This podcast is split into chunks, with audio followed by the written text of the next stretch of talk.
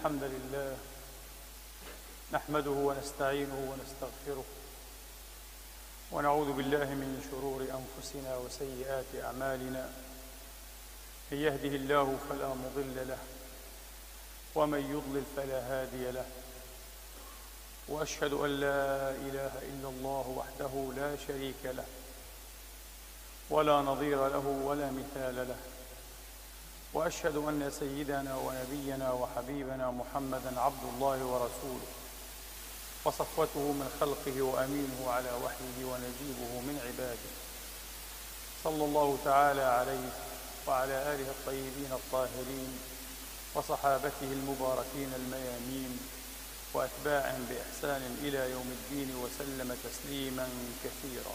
عباد الله أوصيكم ونفسي الخاطئة بتقوى الله العظيم ولزوم طاعته كما أحذركم وأحذر نفسي من عصيانه سبحانه ومخالفة أمره لقوله جل من قائل من عمل صالحا فلنفسه ومن أساء فعليها وما ربك بظلام للعبيد. ثم أما بعد أيها الإخوة المسلمون الأحباب ايتها الاخوات المسلمات الفاضلات. يقول الله سبحانه وتعالى في كتابه الحكيم بعد أن أعوذ بالله من الشيطان الرجيم. بسم الله الرحمن الرحيم. لا أقسم بيوم القيامة ولا أقسم بالنفس اللوامه أيحسب الإنسان أن لن نجمع عظامه؟ بلى قادرين على أن نسوي بنانه. بل يريد الإنسان ليفجر أمامه يسأل أيان يوم القيامة. فإذا برق البصر وخسف القمر وجمع الشمس والقمر يقول الإنسان يومئذ أين المفر؟ كلا لا وزر. إلى ربك يومئذ المستقر. ينبأ الإنسان يومئذ بما قدم وأخر. بل الإنسان على نفسه بصيرة ولو ألقى معاذيره. بل الإنسان على نفسه بصيرة ولو ألقى معاذيره لا تحرك به لسانك لتعجل به. إن علينا جمعه وقرآنه. فإذا قرأناه فاتبع قرآنه ثم إن علينا بيانه. صدق الله العظيم وبلغ رسوله الكريم ونحن على ذلك من الشاهدين. اللهم اجعلنا من شهداء الحق القائمين بالقسط. آمين. اللهم آمين. إخواني وأخواتي بل الإنسان على نفسه بصيرة ولو ألقى معاذيره. وفي معنى هذه الآية المباشرة الصادمة التي تضع الإنسان مباشرة وتماما إزاء ووجاه مسؤوليته أو مسؤولياته عن شتى اختياراته ومسالكه وأفعاله. في معنى هذه الآية الجليلة قوله تبارك وتعالى وكل إنسان ألزمناه طائره في عنقه ونخرج له يوم القيامة كتابا يلقاه منشورا اقرأ كتابك كفى بنفسك اليوم عليك حسيبا. فالحقيقة إخواني وأخواتي ثمة مسألة أو مشكلة تؤرق المرء. ولطالما أرقت كبار المفكرين والمستبصرين والفلاسفة وهي إلى أي حد وإلى أي مدى يمكن أن تتأكد حرية الإنسان؟ وبالتالي يمكن أن تتقرر مسؤوليته عن أفعاله ومسالكه إلى أي حد. فهناك تأثيرات نابعة من الوراثة. تجعل المرء نسبيا ما هو عليه من ناحية مورفولوجية أو شكلية أيضا من ناحية مضمونية. مضمونه الوراثي الذي يجعل لياقاته على نحو معين واستعداداته بطريقة محددة وقدراته وإمكاناته محدودة في حدود بأعيانها. إنه القدر الوراثي. إنه القدر الوراثي. لا ينكر هذا. ثم هناك القدر الاجتماعي البيئي السياقي الثقافي.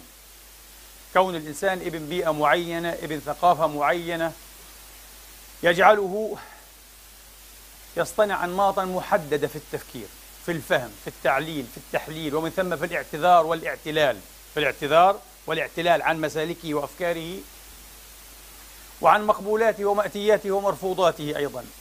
هذا القدر البيئي القدر الاجتماعي القدر السياقي أيها الإخوة.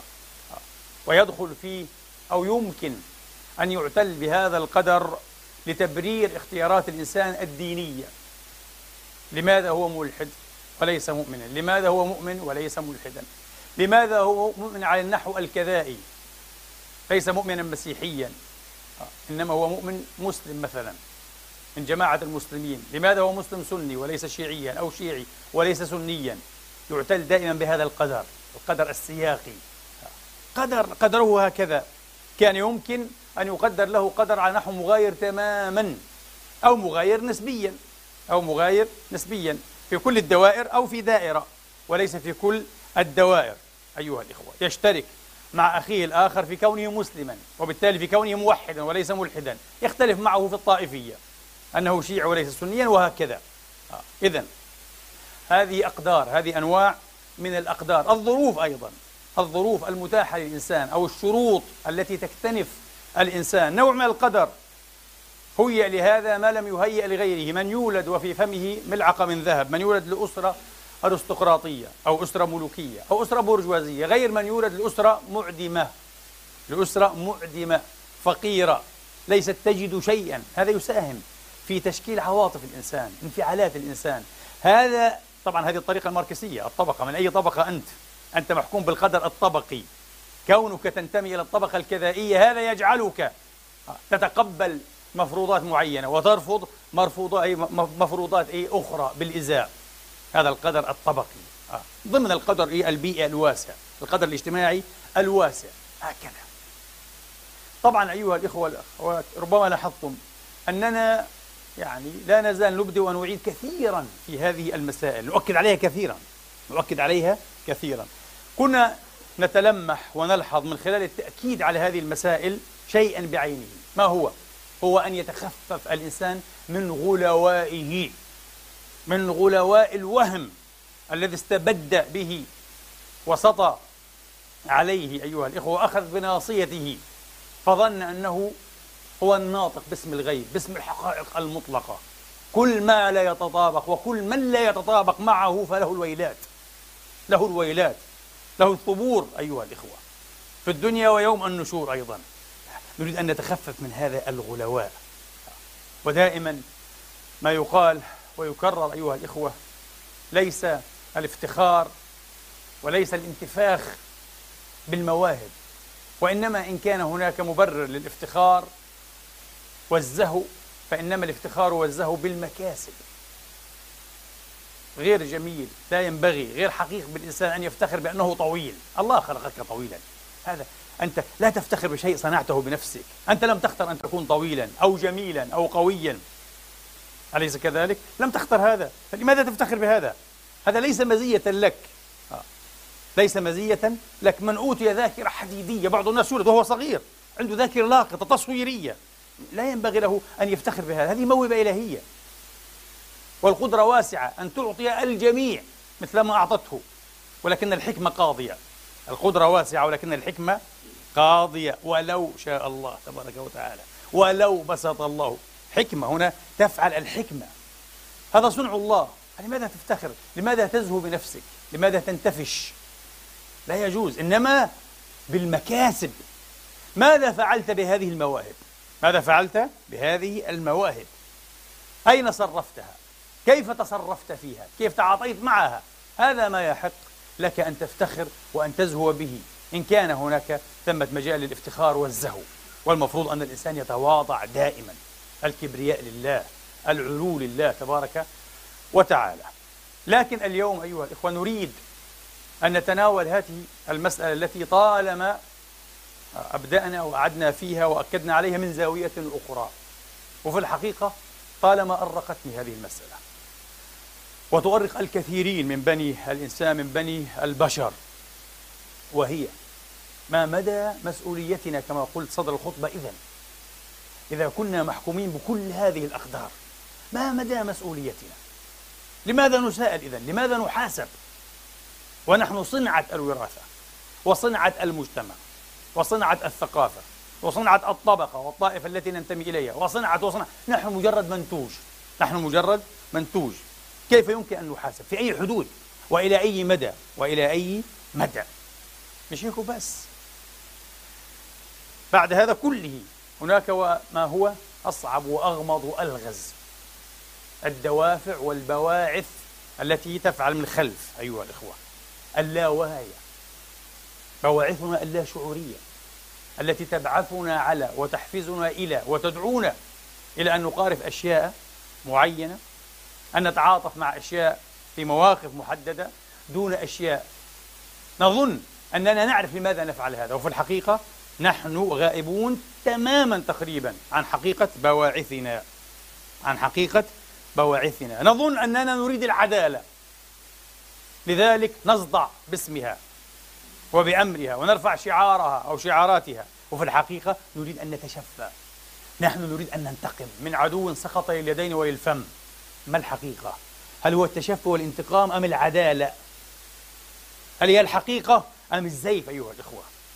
هذا يتعب الإنسان كثيرا الإنسان الذي هو إنسان يشعر بإنسانيته يشعر بحريته يشعر لو لم يكن شاعرا بحريته ما عذبه ضميره ولا ثار مثل هذا التساؤل في نفسه أصلا لأنه مجبر. هو صنيعة هذه الأقدار التي ذكرنا فلا يتساءل. لكن طالما تساءل وطالما وقف وطالما جعل مسافة بينه وبين ذاته بينه وبين موقفه. وعلى فكرة هذا قوام الحرية من المنظور الوجودي.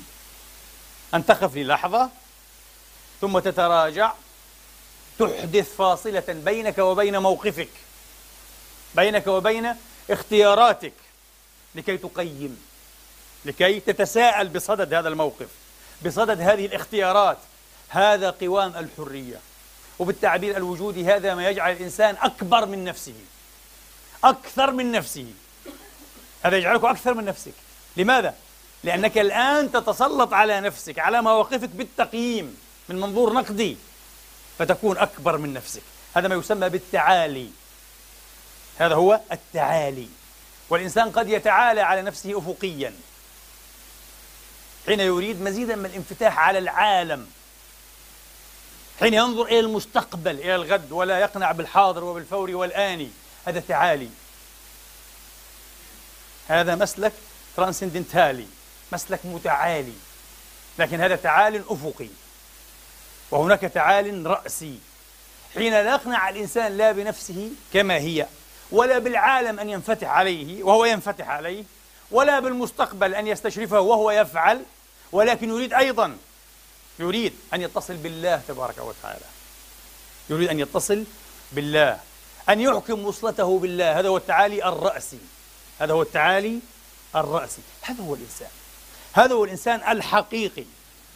في الحقيقة الذي بعث على هذا الموضوع هذه الخطبة بخلاف هذا الأرق الوجودي الذي يتعاود المرء بين الفينة والأخرى حديث قصير جرى بيني وبين أحد إخواني وأحبابي في الله. كان هذا الأخ يتساءل عن أحدهم ممن سيرته معروفة أيها الإخوة في التنكر الفضائل وللحقائق بل للأوطان والأديان والإنسان. وليس نسيج وحده ليس وحده أيها الإخوة كثيرون هم هذا الرجل. كثيرون هم ذاك الإنسان والعياذ بالله. قال لي كيف يمكنه أن ينظر في وجهي في المرآة؟ قلت ولا يفعل. مستحيل. أنت تظن أنه ينظر في وجهه؟ طبعا النظرة الوجودية يعني. يعني يحدث هذه الفاصلة لكي يتساءل بصدد أفعاله. قلت له ولا يفعل. هؤلاء لا يمكن أن يكونوا ما هم أن يكونوا ما هم عليه. لا يمكن أن يواصلوا هذا التنكر. للأديان للإنسان للحقائق للمعايير للأوطان للشرف للنبل للكرامة أيها الإخوة. لكل شيء جميل في حياة الإنسان. لكل ما يجعلنا بني آدم. ما يجعلنا بشرا أناسي. هم لا يستطيعون أن يستمروا في هذا إلا إلا بفضل أو بسبب أو بعلة أنهم هاربون من أنفسهم. لا ينظرون في أنفسهم إطلاقا. ما في وقت أيها الإخوة. هم يعدمون فرصة أن يعطوا أنفسهم فرصة أن ينظروا إلى أنفسهم أن يبتعدوا. نيتشه يكتب مرة يعرف الإنسان تعريفا لطيفا جدا ومبتدعا مبتكرا في إبداع وابتكار في عبقرية حقيقية. يقول الإنسان هو الكائن المقيم. Evaluating man يعني. الإنسان المقيم الحيوان عفوا المقيم. الحيوان المقيم. وهو يريد المقيم بالذات لمواقفه. هذا هو الإنسان؟ واحد يقول لي لكن هذا إنسان لا يقيم. أقول لك ليس إنسانا. هذا مجرد حيوان يأكل ويشرب ويدب على الأرض ويسعى في الأرض بالفساد. الحيوانات تفعل هذا لكن هو يفعل هذا باقتدار أكبر من حيوان. لأن كل ما كان يمكن وكل ما يرشحه أن يصبح إنسانا حقيقيا آه، انحط به أيها الإخوة لكي يؤكد حيوانيته الهابطة الرابضة والكامنة في دمه وفي عروقه وأعصابه والعياذ بالله. هؤلاء لا يعطون أنفسهم أبدا فرصة أن يلتقوا مع أنفسهم أن ينظروا إلى أنفسهم أيها الأخوة. أبدا أبدا. لذلك يعيشون في الوهم والزيف. يعيشون هذه الحياة الغامضة المضببة آه، الواهمة الفارغة. يمكن أن يصبح أحدهم رئيس دولة. عادي. كثير من هؤلاء يصبحون.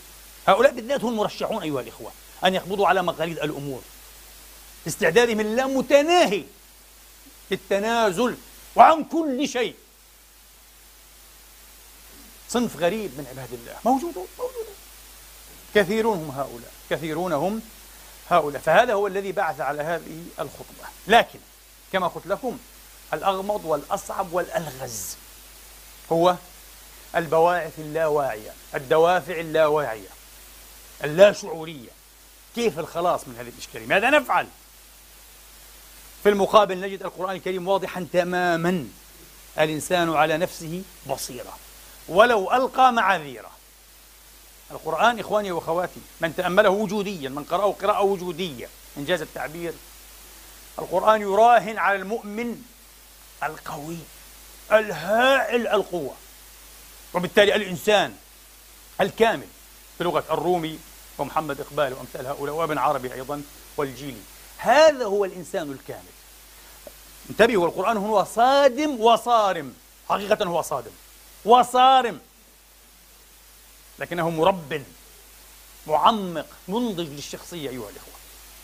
قاشع للأوهام والضباب ضباب الغموض والاعتلال والاعتذار الفارغ هذا.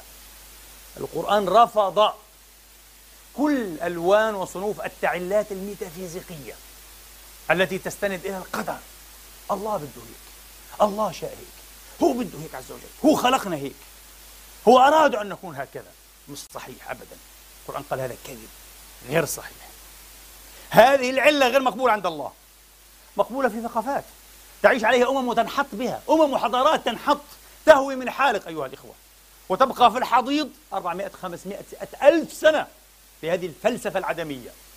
القرآن غير مسؤول عنها. إطلاقا. وقال الذين أشركوا لو شاء الله ما عبدنا من دونه من شيء نحن ولا آباؤنا. ولا حرمنا من دونه من شيء. ما بده. إيش اللي يمنع أنه الله عز وجل كان يهدي إيه؟ أبا جهل وأبا لهب. كما هدى إيه؟ عمارا وبلالا وصهيبا مثلا. ولم يفعل ولم يشاء وكل خير. منطق المسلمين اليوم هذا منطق عدمي. كله خير. إن شاء الله خير. مش خير وين خير هذا كله الشر هذا كله الكذب والتزييف. كذلك فعل الذين من قبلهم. الله يقول هكذا تنحط الأمم هكذا تذوي الحضارات أيها الإخوة بهذا المنطق العدمي بهذه الرؤية. في نهاية المطاف شئنا أم أبينا؟ مسالكنا أفعالنا هي مرآة للرؤى التي عندنا للرؤى التي نختزن. أبدا ما في. على مستوى الفرد وعلى مستوى الأمة والثقافة والجماعة. المسلك مرآة. للاعتقاد للرؤية للفيجن للإيمان. ما في هذا.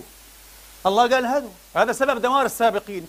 كذلك فعل الذين من قبلهم فهل على الرسل إلا البلاغ المبين. يقول حتى هذه الحجة لا تستأهل أيها الإخوة ولا تحتاج أن تناقش لأنها ظاهرة البطلان. فليعتصم الدعاة من وراء الأنبياء والمرسلين. بماذا؟ بتبيان الحقائق فقط والدعوة إليها. اتركوا هذا الجدل العقيم الفارغ. لأنه جدل فارغ. لا يدمنه ولا يمر عليه ويتمهر فيه إلا الفشل. انظروا في الأفراد حولكم. في أقرب الناس إليكم. معارفكم وأصدقائكم وأحبابكم. تجدوا إن نظرتم تجدوا أن الفاشل ديدنه في صباحه ومسائه ووقته كله أن يعتل وأن يعتذر. علشان هيك وعلشان هيك. ولو هيك. باستمرار في عنده علل. باستمرار. هذا هو الفاشل. ولن تجد القوي المنجز الناجح يرضى بمنطق الاعتلال. أبدا. القوي أيها الإخوة الماضي العزم الكبير الإنجاز كلما سقط كلما كبى لم يعتذر وإنما لام نفسه. مدركا خطأه يقول مني هذا مني هذا من حماقتي هذا من غباء. ومن هنا كما قلت لكم أدب الاعتراف يعترف هذا من حماقتي من ضعفي. أنا هنا ضعفت أنا أو لما أصابتكم مصيبة قد أصبتم مثليها قلتم أن هذا قرآن يؤدب. الصحابة قل هو من عند أنفسكم. أنتم أنتم السبب. إياكم أن تعتلوا بالقدر وبالغيب. والله شاء والله ما شاء. الكلام الفارغ هذا. كلام الأمم المنحطة الضعيفة الواهنة الفاشلة التي أدمنت الفشل. استمرأته استعذبته. تعشق الفشل يا إخواني.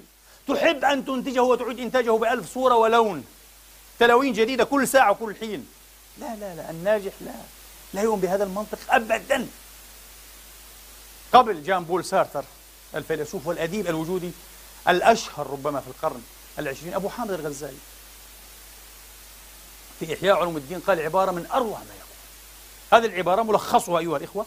نحن مجبورون على أن نكون مختارين. الله خلقنا هكذا. لم نشأ أن نختار. هو خلقنا الكائن المختار. كان يمكنه تبارك وتعالى أن يجعلنا على نحو الأشياء المادية. على نحو الشمس والقمر. تلف وتدور دون ما إرادة منها. أليس كذلك؟ دون دافع داخلي أو باعث. محكومة بهذا. كرها. تلف كرها رغما عنها. لكن نحن لا. نحن نسجد أو نكفر أيها الإخوة. آه. نتواضع أو نتشامخ. نؤمن أو نلحد. نعبد أو نجدف. باختيارنا. باختيارنا. الله شاء أن يخلقنا هكذا. إذا نحن مجبورون على أن نكون مختارين. ماذا قال جان بول ساتر؟ قال نحن محكومون بالحرية. نحن محكومون بالحرية. مكتوب علينا. كلمة محكوم معنا مكتوب يعني هكذا. لكن هو لا يؤمن بالله طبعا ولا إيه؟ بكتاب الله. إنما يؤمن إيه؟ بالمنطق الوجود ذاته فقط. هكذا قدرون الكون ضمن الكون. ولا يتعالى على الكون هو أننا محكومون بالحرية. يقول الشيء الوحيد الذي لا خيار لنا فيه هو أن نكون مختارين. هذا لا خير لك. إذا أنت مجبور في شيء فقط هذا هو الشيء اللي أنت مجبور فيه. أنه ملكاش خيار أن تكون مختارا. نفس مفهوم أبي حامد الغزالي. لكن كله من منطلق إيه؟ رؤيوي مختلف. ذاك منطلق إيماني وهذا منطلق وجودي. لكن نفس الشيء أنت محكوم بالحرية. قدرك أن تكون كائنا مختارا. لابد أن تختار في كل مرحلة. إياك أن تدع غيرك يختار عنك. لأنك ستخسر نفسك ستخسر إنسانيتك. جوهر الوجود. هو أن تكون إيه؟ موجودا حرا. فمن يخسر حريته يخسر وجوده. كأنه غير موجود. في نهاية المطاف هذا الذي لا يختار. ويدع الظروف تختار له وتختار عنه وتختار باسمه. وتصوت بالتالي باسمه. أيها الإخوة هذا إنسان موجود وجودا فائضا. زائد عن الحاجة. زيادة هذا هيك. سقط سهوا يعني في الوجود. ملوش أي تأثير. خلاف الإنسان الحقيقي الذي يساهم في تغيير مسار الحياة الاجتماعية والفكرية والثقافية والدينية والسياسية. هو يساهم. قد يخط خطا تتبعه من ورائه أمة كاملة أيها الإخوة. كالذين يبتدعون المذاهب الفكرية هذه والإقتصادية والأخلاقية ثم إلى البشرية أو شطر منها أو أشطار. تقنع بهذا المذهب. وتسير إيه؟ في نهجه شيء غريب. هو البشر واحد زينا من لحم ودم 70 كيلو 80 كيلو وزنه. يفعل هذا. هذا هو الإنسان. هذا لا يمكن أن يقال إنه سقط سهوا. أو وجوده وجود إيه؟ زائد أو فائض عن الحاجة. بلغة سورين كيركيغور أب الوجودية المؤمن الدنماركي إما أو هذا كتابه الأشهر. إما أو. عليك أن تختار. إما هذا أو هذا. دائما دائما في كل شيء. إما هذا أو هذا. ويشبه الإنسان في هذه الحالة بربان السفينة.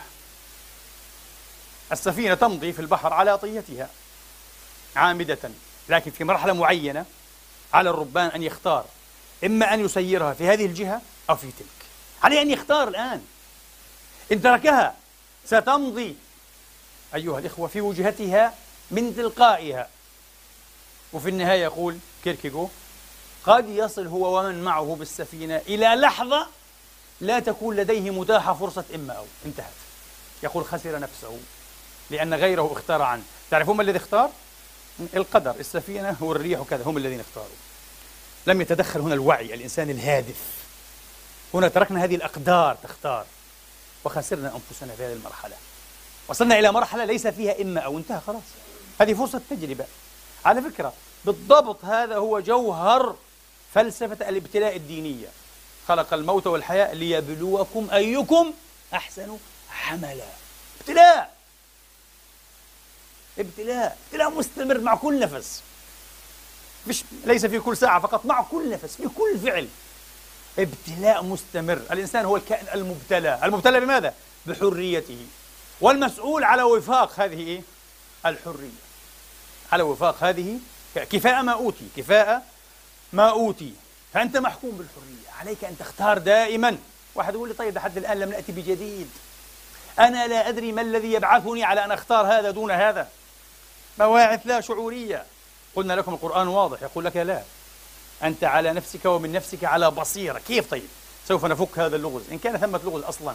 إذا القرآن يرفض أي علة ميتافيزيقية قدرية. إياك أن تحتج بالقدر. كيف تحتج بما لا تعلم؟ هل اطلعت على الغيب أصلا أنت؟ هل أطلعك الله على لوح محفوظ؟ كيف تحتج بشيء لم تطلع عليه؟ لا يجوز لك لا تكذب. على الله وإذا فعلوا فاحشة قالوا وجدنا عليها آباءنا والله أمرنا بها. قل إن الله لا يأمر بالفحشاء. أتقولون على الله ما لا تعلمون؟ مرة أخرى. كيف الاحتجاج الكذب بالقدر هذا؟ الزيف هذا التزييف والبهتان على الله تبارك وتعالى. من أين لك؟ من أين لك؟ الذي حصل ويحصل في الحقيقة أنك وبمحض حريتك اخترت شيئا من أشياء. اخترت شيئا من بين أشياء. ثم لما رأيت النتيجة ليست على إيه؟ على هواك. ليست في مصلحتك في جانبك. تعلي رصيدك. قلت القدر هو الذي اختار كذب أنت الذي اخترت. هذا هذا هو الترتيب السليم. أنت الذي اخترت. آه. أما أن القدر محيط بهذا فطبيعي. الله لا تخفى عليه خافية. ولا يمكن أن يسبقه إنسان بشيء لكنه لم يجبرك ولم يكرهك. هو حكمك بأن تكون مختارا حرا. هذا فعلك أنت. ولذلك ينسب إليك قرآنيا وتحاسب عنه يوم القيامة. فإما وإما أيضا. فإما وإما. ستحاسب عليه. لأنه فعلك أنت. ليس جبرا عنك ولا رغما منك وعنك. أيضا القرآن الكريم أيها الإخوة لم يقبل الاعتداد به واعتبار التعلات والاعتذارات الاجتماعية بالقدر الثقافي والبيئي مرفوض قرآنيا. كيف مرفوض هذا يا أخي؟ كيف طيب هذا؟ مصيبة هذه. مرفوض. حين رفض القرآن المنطق الآبائي منطق التقليد وجدنا آباءنا هيك الثقافة هيك الأنماط. أولو كان آباؤهم لا يعقلون شيئا ولا يهتدون؟ إذا ما تزال لا تزال للإنسان المكنة والقدرة والفرصة أن يميز ما في هذه المواريث ما في هذه الأنماط ما في هذه التقاليد والأعراف من انصباء الصواب والخطأ الحق والباطل. هذا النور الهادي سماه ديكارت النور الطبيعي في الإنسان الفطرة ونفس وما سواها فألهمها فجورها وتقواها. الفلاسفة الأخلاقيون الانفعاليون بالذات في القرن التاسع عشر بالغوا جدا أيها الإخوة في المنظور الانفعالي. وتنكروا. لكل عقلانية يمكن أن يبرر بها الفعل والاختيار الأخلاقي. قال لك انفعالات مجرد انفعالات. عقلانية ما في إمكانية. لماذا؟ تحت تأثير الوضعية بالذات في نسختها العلمية. ما لا يكمم ما لا يقاس ليس عقليا هذا. ليس علميا وبالتالي ليس عقليا. انفعالي عاطفي. برتراند راسل وهو فيلسوف ملحد. ولا أحد يتهم عقلانيته أيضا. فيلسوف رياضياتي من طبقة نادرة جدا في القرن العشرين. وملحد مش على أسس دينية. يتساءل. من ذا الذي يمكن أن يتقبل هذا المنطق؟ منطق الفلاسفة الأخلاقيين الانفعاليين. يرفضه. الصحيح. يقول في كل خيار أخلاقي في كل موقف أخلاقي هناك جذر عقلاني. كيف؟ يقول من ذا الذي يمكن أن يتقبل الحالة التي تعتري الإنسان من القرف والاشمئزاز حين يرى القسوة العارية المبالغ فيها؟ قتل البراء أيها الإخوة ظلم الضعفاء انتهاك الحقوق أشياء الإنسان بفطرته آه. يشمئز يقول آه. من ذا الذي يمكنه أن يدعي أن ما يشعر به الإنسان من القرف والاشمئزاز التقزز حين يرى هذه القسوة العارية تعربد تعربد هكذا عارية آه. يمكنه أن يزعم أن هذا من باب ما يروق لي وما لا يروق لي. أنه هذا فقط لم يروق لي. مش صحيح. يقول برهند راسل مش موضوع مراقش لي. في شيء هنا يحكم على الجميع. ومن هنا الطبيعة الكونية للأخلاق. هنا نعود إلى كانت إذن. هذا هو إيه؟ كانت الفيلسوف الألماني العظيم. يقول الأخلاق بما هي. وهذه الدائرة الأخلاقية غير الجمالية غير الدينية. دائرة الأخلاقية بما هي. طبيعتها في كونيتها في عمومها في شموليتها. أسلك كما لو كنت البشرية كلها. أسلك كما لو كنت الناس كلهم. واسلك كما تحب أن يسلك كل الآخرين إزاءك. نفس المنطق حتى يحب لأخيه ما يحب لنفسه. بمعنى أيها الإخوة الذي يكذب. لو أنه تشبع بالمنطق الكانطي لما كذب. لماذا؟ لأنك حين تكذب كي تأخذ مثلا جزءا من ماله شيء من ماله تأخذ حق حقه المسكين. ظلما. حين تكذب أنت لا تحب أن يكذب هو أيضا. ولا أن يكذب الآخرون. لأنه لو كذب الجميع كذبك إذا إيه؟ لن يفيد. ستتضرر أنت وضر والكذب لن يغدو كذبا. لكن الكذب هو كذب إزاء ماذا؟ إزاء الصدق. إذا الفسق أيها الإخوة ولا أخلاقية هي إرادة الاستثناء من شمولية القانون الأخلاقي. نحن نحب من الناس جميعا أن يكونوا صادقين. وأن يكونوا أتقياء وأن يكونوا عادلين ومنصفين. لكن نحن نشكل استثناء. نحب أن نكذب أحيانا. أن نظلم أحيانا. أن نظلم أحيانا. ألا ننصف من أنفسنا. هذا الاستثناء باللغة الكانطية هو الفسق. هذا هو الفسوق. هذا هو الفسوق. تحب أن يحترم الناس عرضك ولكن أنت لا تحترم أعراض الناس. فسوق. تحب أن تسطو على عرض غيرك؟ ولا تحب من أحد أن يسطو على. ولذلك النبي عليه السلام في الحديث العبقري هذا حديث عبقري. وقطعا هذا أكيد هذا حديث إيه؟ لرسول الله. بغض النظر عن الأسانيد الذي رواه أحمد. قال أترضاه؟ لأمك. لا لا. قال له وكذلك الناس لا يرضونه. أترضاه؟ لأختك لابنتك لعمتك لخالتك وكذلك الناس. ماذا يريد النبي أن يقول؟ يريد أن يلفته أن ينعش فيه. كونية كونية القاعدة الأخلاقية. يقول له القاعدة الأخلاقية عامة. لماذا يا بني النبي يقول له؟ شوف النبي ما كانش هنا فيلسوف مثل كانت لكن أجمل وأحسن. أعظم تعليما من كانت وأقنعه مباشرة. لماذا تريد نفسك أن تكون استثناء؟ أن تلغ في أعراض الناس أن تسطو على أعراض الناس تتسلل على أعراض الناس. ولا تحب أن أحدا يفعل هذا في عرضك أو بعرضك. لماذا إذن؟ ما سر الاستثنائية هذه؟ الفسق هذا هو الإنسان الفاسق فقط. أن يكون فاسقا فاجرا أو داعرا أو ظالما أو طاغيا أو دكتاتورا. يرى نفسه استثناء لست استثناء.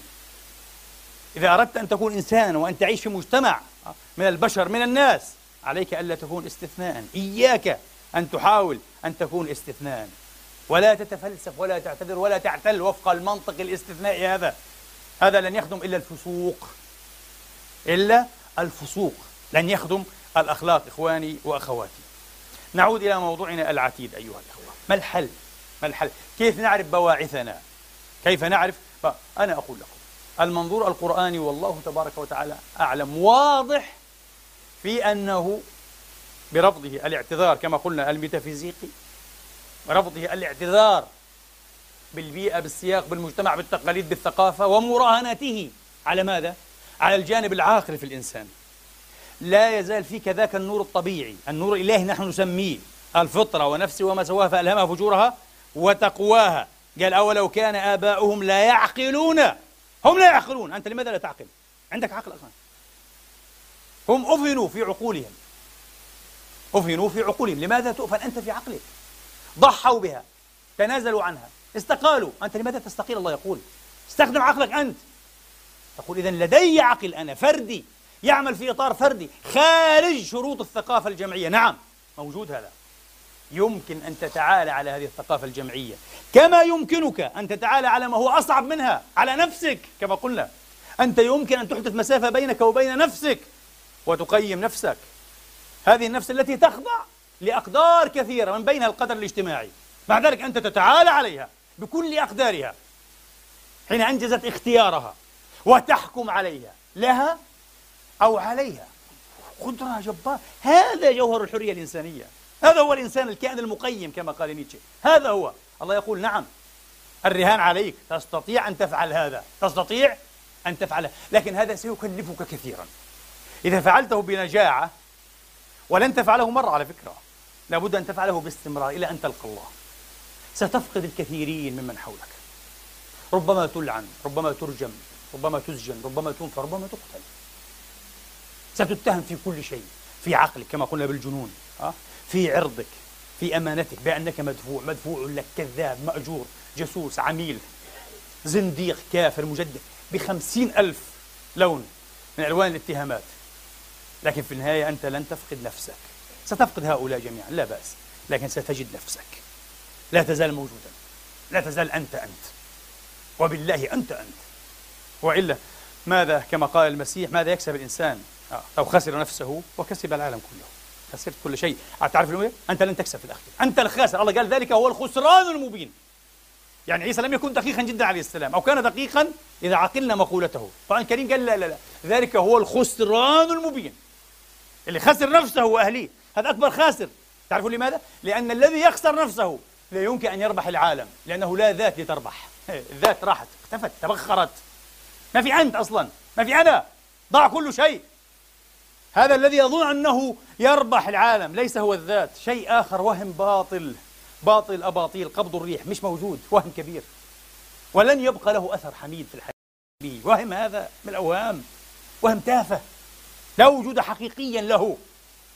إذا الذي يخسر نفسه لن تبقى نفس بعد ذلك لكي يربح العالم. إذا هو خسر نفسه وخسر العالم. هذا هو المفهوم الصحيح لعبارة المسيح عليه السلام. وهذا نص كتاب الله ذلك هو الخسران المبين. لما قال لك إيه خسروا أنفسهم وأهليهم يوم القيامة.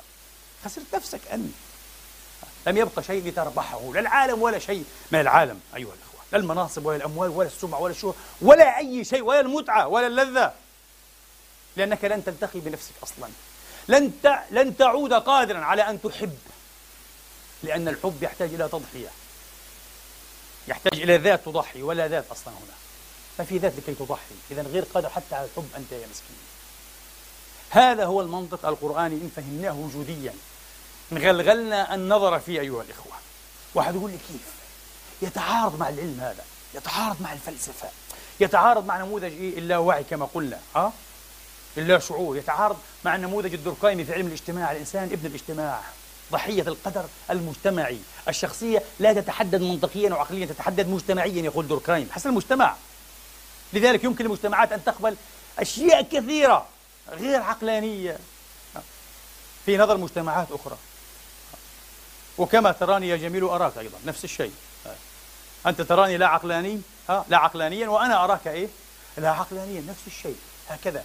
فهذا كلام دوركايم وفرويد وكثيرون. ماذا نفعل طيب؟ ماذا نفعل؟ أنا سأقول لكم. بتأملي فيه في القرآن العظيم خاصة في مثل هذه الآيات التي صدمتني. وحق لها أن تصدم كل من يتأمل فيها. وجدت أن القرآن ينتهج نهجا. طبعا لا يجوز هذا تخفيض أن صفاته أنه عبقري أو كذا. هذا كلام رب العالمين. خلص هو نهج إلهي نهج رباني. في تربية الإنسان في توعية الإنسان بنفسه. هذا النهج إخواني وأخواتي يقهر به الأقدار. مش أقدار الله بالمعنى الثيولوجي أو اللاهوتي. لا لا لا. أقدار المجتمع والثقافات والبيئة وحتى والمواريث كلها يقهر بها. لذلك هذه الخطبة هي خطبة قاهر الأقدار بهذا المعنى مش بالمعنى الثيولوجي أو الكلامي. كيف يا أخوان؟ حين يراهن القرآن باستمرار ويلفت إلى الغاية للباعث انتبه. الغاية وليس الباعث ليس الدافع. القرآن لا يعتني كثيرا بالغاية بالبواعث والدوافع. أبدا. تقريبا لا يشير إليها لا يقيم لها وزنا دائما يلح على ماذا؟ على الغايات وبالتالي على ماذا؟ على الإرادات على النوايا نيتك أن تفعل ماذا؟ أن تصل إلى ماذا؟ أن تنجز ماذا؟ أن تحقق ماذا؟ باعثك لا يهمني وجدت أنه بهذه الطريقة وإن صح هذا هذا يكون إيه؟ شيء عظيم جدا جدا ومبارك شيء قرآني عظيم عظيم البركة من بركات كتاب الله إن صح هذا أنا أقول لكم يبدو أن هذا سيكون الأسلوب الأمثل لعلاج ضروب كثيرة من الاختلالات المسلكية التي يعاني منها أشخاص مختلون عقليا ونفسيا عصابيا وذهانيا. هذا سيكون أحسن أسلوب في العلاج. على خلفية قرآنية. الربط بالأهداف الربط بالغايات وما ييسرها ما يهيئها ليس بالدوافع ليس بالبواعث. سأوضح هذا. هذا جوهر خطبة اليوم. بعد كل هذه المقدمات الطويلة العارضة. المزعجة ربما إخواني كما تخفى البواعث والدوافع على الإنسان نفسه في الأغلب تخفى في كل الأحوال على الآخرين. هي علي خافية في أغلب أحوالي فعلى الآخرين في كل الأحوال خافية. لا أحد يطلع على نيتي. لا نستطيع أن نشق لم نؤمر ولا نستطيع أصلا. أن نشق على قلوب الناس النبي يقول. لا تستطيع أن تشق على قلوب الناس لتعلم إيه؟ حقيقة دوافعهم وبواعثهم.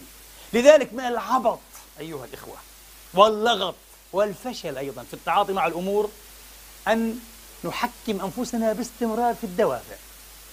ونقول آه هؤلاء مدفوعون هؤلاء مأجورون هؤلاء قالوا هذا لأن كذا وكذا. من نياتهم؟ ما أدراك من نية يا رجل. اترك هذا. لن تستطيع ستفشل باستمرار. هذا سيزيد الأمور أي غموضا والتواء وخفاء والتباسا.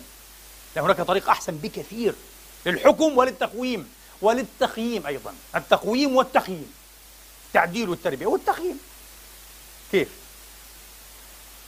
الغايات أيها الإخوة بطبيعتها أكثر تحددا أكثر تحددا لجهة الكم. الغايات دائما أقل بكثير كميا من الدوافع. أوه. يعني أي غاية أي غاية. قد يدفع إليها عشرات الدوافع وهي غاية واحدة. إذا كميا الغايات إيه؟ محددة أكثر. كميا. كيفيا محددة بطريقة أوضح. على المستوى الكيفي. أمامك إيه؟ طريقان. آه. كما قال ابن الرومي هذا هو ما في طريقة. قال وهديناه النجدين الله يقول طريقان. صح مستقيم وأعوجه مستقيم وأعوجه. طريق ينتهي إلى غاية. هذا طريق اليمين. اللهم اجعلنا من أصحاب اليمين. غاية واضحة هناك هناك. ما هذه الغاية؟ أنظر فيها أرى فيها الصلاة والصوم والصدقات والحج وذكر الله وبر الوالدين واحترام الناس وقول للناس حسنا أه؟ والعلم والعمل الصالح والبر. أشياء طيبة واضحة. لا ترهق الضمير لا ترهق الإنسان. على فكرة هذه بالذات هي الأشياء الأخلاقية التي تحدث بعبقرية فلسفية كانت عن كونيتها وشموليتها. انتبهوا أكثر من كان يمكن أن ينتظر منه اللدد في الخصام حول هذه المسألة هم الوجوديون الملاحدة مثل سارتر. يقول لا لا لا لا ما في. الفردية لأن الوجودية هي فلسفة الفرد فلسفة الذاتية مش فلسفة ال herd أو القطيع أو plebs. الدهماء كما قال كيركيغور لا لا لا. فلسفة الفرد فلسفة الأنا ال one بلغة سارتر. ها؟ ال one. ها الواحد الفرد. لكن سارتر حين جد الجد أيها الإخوة لم يفعل لم يستطع. يعلم أن فلسفته تكون فلسفة فاشلة ومرفوضة تماما. سنة 43 نشر كتابه العظيم الكبير. عظيم في حجمه طبعا في قيمته شيء آخر الوجود والعدم. كتاب في زهاء 900 صفحة معقد طويل جدا. وهو كتاب مثل ما قيل يعني فيه أصل الأنواع لداروين. كتاب يقتبس ولا يقرأ. من النادر أن تجد إلا الفلاسفة الذين قرأوا هذا الكتاب بطوله. كتاب مرهق جدا جدا وطويل. في استطرادات غير يعني لم يكن لها داعي. 900 صفحة عن مقولتي الوجود والعدم من منظور وجودي. فهذا كتاب يقتبس ولا يقرأ. مثل أصل أنواع. يكتب يقتبس إيه؟ وإلا للمتخصصين الذين يقرؤون ما هنالك. على كل حال. لكن في أكتوبر 45 يعني بعد أن وضعت الحرب العالمية الثانية أوزارها. سارتر أمام جماهير عريضة في محاضرة مسائية في باريس تحدث عن هل الوجودية فلسفة إنسانية؟ اعتبرت بعد أسابيع يسيرة هذه المحاضرة بمثابة إعلان عن ولادة الفلسفة الوجودية مع أنه قبله عشرات الفلاسفة الوجوديين ممن أبوا أن يسموا هكذا. آه ممن أبوا أن يسموا. فقط هو سارتر وسيمون دي بوفوار صديقته وعشيقته يعني لم يرفضا أن ينعت بالوجوديين. قالوا ما فيش مشكلة إحنا وجوديون. فقط. غير هيك كل الوجوديين قالوا لا لسنا وجوديين. سموا أنفسهم أسامي أخرى. هذا الإعلان هذه محاضرة بسيطة قرأناها. في زهاء 80 صفحة. مطبوعة بالإنجليزية وكذا وبالعربية ترجمت. في زهاء 80 صفحة فقط. انتبهوا. لماذا؟ ما الذي دفع؟ ما ماذا كانت غاية هذه المحاضرة؟ نرجع للدفع الغاية أيها الإخوة أن يتصدى للنقد القوي ال... الجارح ربما لنرجسيته كفيلسوف كبير الذي لقيه كتابه الوجود والعدم وبالتالي فلسفته بشكل عام هذه الفلسفة الوجودية. في أثناء وأعقاب حرب عالمية دمرت كل شيء. بسبب إيه؟ بسبب جنون الفاشية. كان هذه تراجيديا الفاشية تراجيديا النظم الشمولية. الشيوعية والنازية والفاشية مرة واحدة. العالم دفع ثمنا رهيبا جدا خاصة العالم الأوروبي. أمريكا مهما. تقريبا لم تعاني. أكبر كاسب لم تعاني شيئا. أوروبا هي التي دمرت. كان لابد من إعادة البناء. ليس فقط مشروع مارشال كذا لا إعادة بناء الإنسان ترميم عقل الإنسان عواطف الإنسان رؤية الإنسان لنفسه للوجود الرؤية الكونية عند الإنسان. تحطمت بالكامل. كانوا أشبه بحطام سفينة. كان الناس هنا أشبه بحطام سفينة. غارقة في لج المحيط. قالوا له أنت فقط تخدر نرجسية الشباب. المدعوون أو المدعوين أه؟ نرجسية الشباب المدعوين إلى إعادة بناء المجتمع بما يفي بمتطلبات العدالة الاجتماعية في عالم عانى كثيرا. صح مش طويلا أقل من عقد لكن كثيرا معاناة صعبة جدا حتى النخاع من ويلات الفاشيات. وأنت تحدثنا عن الفردية وعن الخيال الفردي وعن إيه التفرد والانعزال وعن كذا. ما ينفع هذا. نريد أن نبني مجتمعا الآن ويفي بمتطلبات العدالة الاجتماعية. يعني باللغة العادية مجتمع صالح. قول مجتمع جيد. فماذا فعل؟ طيلة المحاضرة. الرجل لم يصدر إلا عن نبرة لم ينطق إلا بنبرة كانطية هو كانت كانت. الآن كانت يتحدث ليس سارتر اقرأ هذه المحاضرة. تماما هو كانت الذي يتحدث. كان يقول على الفرد أن يتساءل هل أنا ذلكم الفرد أو الإنسان الذي يسلك بطريقة بحيث بحيث يجد المجتمع الإنساني كله نفسه مدعوا إلى أن ينظم أو يعيد تنظيم نفسه؟ وفق ما أسلك. نفس الشيء. كلام كانت هذا. كلام كانت وتحدث بلغة أخلاقية كانتية سارتر انتبهوا تخلى. لذلك ندم على هذه المحاضرة. هي التي شهرته في العالم على فكرة. هي التي تقرأ. قرأت ملايين ملايين المرات. مش الوجود والعدم ندم عليها. لأنها ضربة في الصميم لوجوديته طبعا. للفردية النرجسية التي ذهب إليها. وفي نهاية المطاف هي فردية تتناسب مع البرجوازيين على الأقل. مش مع الطبقات المعدمة ولما سئل قبل ذلك نقديا لماذا أنت تمثل كل مسرحياتك؟ أه؟ عبر شخوص وحتى في مسارح برجوازية. في النطاق البرجوازي من الأحياء الباريسية. أه؟ في الأحياء البرجوازية. لماذا؟ أجاب بذلك طبعا هو رجل ذكي وأديب يعني واسع الحيلة. قال لأنه ما من برجوازي يحضر مسرحية لي إلا ويثير أسئلة سخيفة أه؟ عن طبقته يتساءل بصدد طبقته البرجوازية. يبدأ الآن يتساءل نقديا. بسخافة لكن يفعل هذا. أنا هذا الذي أريده. نوع من الاعتذار أيضا. نوع ما الاعتذار. لذلك كما قلت لكم كونية الأخلاق شمولية الأخلاق عمومية الأخلاق. آه، هي ما يراهن عليه القرآن الكريم وتراهن عليه كل الأديان. قال أولو كان آباؤهم لا يعقلون شيئا ولا يهتدون عليك أن تتعالى على الطبقات على أبيك وعلى جدك وعلى شيخك ومعلمك وعلى طائفتك وعلى مذهبك وتتساءل هل ما يجري هذا أخلاقي؟ هل هو عادل؟ هل هو جميل؟ أم أنه غير أخلاقي؟ وظالم وقبيح وشرس وحش باللغة العامية شيء سيء جدا. يجب أن أقول هذا. ستدفع الثمن طبعا. على فكرة نحن اعتدنا كثيرا على أن نسمع مثل هذا الملام العاتب والغاضب أحيانا. كيف تقول هذا؟ كيف تقول هذا؟ هذا يدين جماعتك يدين حزبك. كيف تقول هذا وقد أغضب طائفتك؟ أنت أغضبتهم يا رجل. أغضبتهم بهذا القول. ماذا تقوله؟ عجيب. المعيار هو أن يرضوا. انتبهوا. المعيار هو الطائفة مش الحقيقة مش الجمال مش الحق مش العدل. لا المعيار هو الحزب. الطائفة المذهب أهل البلد الوطن. كيف تقول هذا؟ هذا لا يصب في مصلحة إيه أهلك وعشيرتك. يغضب محبيك. يغضب على المتعاطفين. أعلم أنه يغضب. لكن أنا التزامي بشيء أبعد من هذا. ليس التزامي بالطائفة بالمذهب. التزامي بشيء أبعد التزامي بما يجعلني أطمئن على إنسانيتي أنني ما زلت أتحسس إنسانية ما زلت إنسانا. ما زلت ذلك الإنسان المحترم الملتزم بالإنسان في في جوهره. صح ولا لا؟ هو هذا. لا لا لسه عنا هذه الثقافة بعيدة جدا عنا. أنا أقول لكم بعيدة جدا جدا جدا عنا. الثقافة التي تأكلنا تحطمنا تمتصنا أيها الإخوة تمتص بقية الوعي عندنا هي الثقافة المعاكسة تماما. التي تلوم كل التزام بما هو كوني وعام وشامل وإنساني. لا تحبه تبخسه تسخفه وتستسخفه أيضا. تزهد فيه وترغب عنه. تهمة تهمة تهمة. كما قلنا قبل ذلك كما قلنا قبل ذلك. كل مؤسسات الرأي العام تفكر بالنيابة عنك. التلفزيون بفكر بالنيابة عنك. الصحافة العامة بكذا. كل ويفكر ما لا تفكر أنت يا رجل. ليش تفكر؟ نحن نفكر بالنيابة عنك. كل صناع الرأي العام يفكرون بالنيابة عنا. لذلك لنا معهم مشكلة ومشاكل. كل المؤسسات الدينية من كنيسة إلى سنغوغ إلى مسجد إلى أزهر إلى زيتون كذا هؤلاء يؤمنون بالنيابة عنك.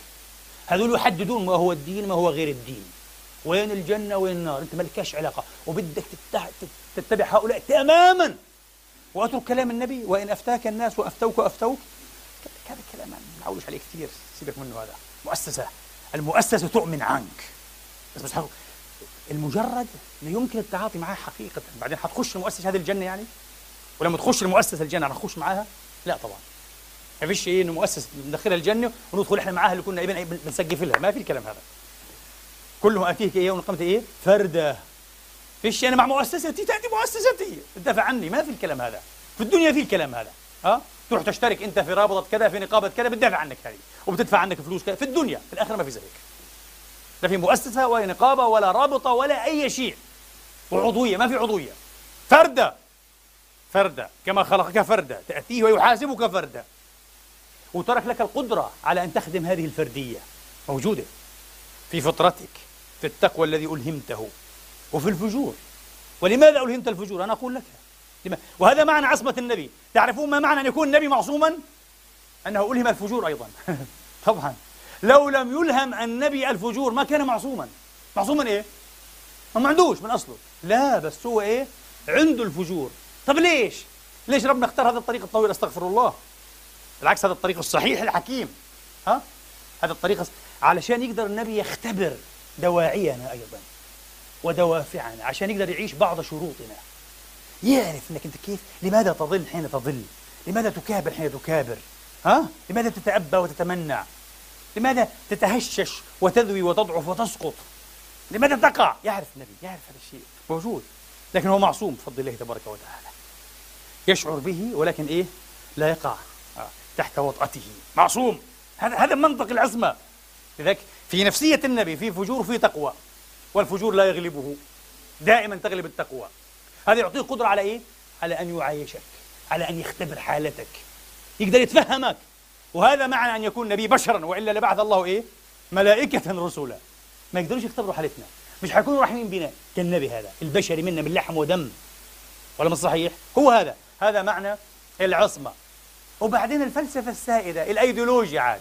وفي عندنا إحنا في العالم الإسلامي في العالم العربي والإسلامي والعالم كله في أحزاب وفي كذا وعندها فلسفات معينة رؤى معينة. في نهايه المطاف؟ هي أيديولوجيات هذه. انتبهوا أيديولوجيا. هذه الأيديولوجيا السائدة سواء في المجتمع أو في الحزب أو في الجماعة أو في التنظيم هذه تختار بالنيابة عنك. يعني واحد انتبه واحد بفكر بالنيابة عنك واحد بيآمن بالنيابة عنك واحد بيختار بالنيابة عنك. اللي بحط الرؤية العامة أشياء كان من شأنها أن تكون قرارات فردية قراراتي أنا. اللي بتختلف عن قراراتك أنت عن قراراتي هو قد تتطابق لكن فرديا باختياراته الحرة. لا لا لا. مسحت كلها لصالح إيه؟ اختيار واحد شمولي. أيديولوجي. هو اختيار الحزب أو الجماعة أو المنظمة أو الطائفة أو البلد. كما في الحكم إيه؟ السوفيت السابق الفاشيين النازيين البلد كله يخضع لأيديولوجيا واحدة. مش معقول ويذوب الأفراد. يذوبون يغيبون بالكامل. يغيبون بالكامل. لذلك الذي ينازل هؤلاء جميعا أنا أقول لكم محكوم عليه بالعزلة. محكوم عليه بالعزلة بالتفرد المسكين. ماذا قال سيدنا أي عمر رضوان الله عليه؟ قال ما ترك الحق لعمر صديقا. شفت قال كلهم انفضوا عني.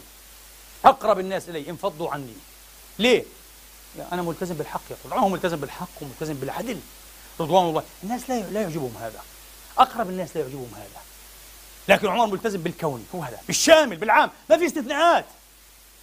قال ولو على أنفسكم الله يقول أو الوالدين والأقربين. لما تأدي الشهادة تشهد بالحق وبالقسطاس المستقيم حتى على نفسك. تقول نعم أنا الذي كنت إيه؟ بدأت. أنا الظالم. حيكلفك هذا؟ ممكن تسجن مش مشكلة. بس برتاح بكسب نفسي كمان. أسجن ما في مشكلة. بدفع غرامة بدفع فلوس. بطلع أنا الغلطان. بنزل راسي بقول آسف سوري ما في مشكلة. عملها بس بكسب نفسي. بتعمق. إنسان كريم إنسان عظيم.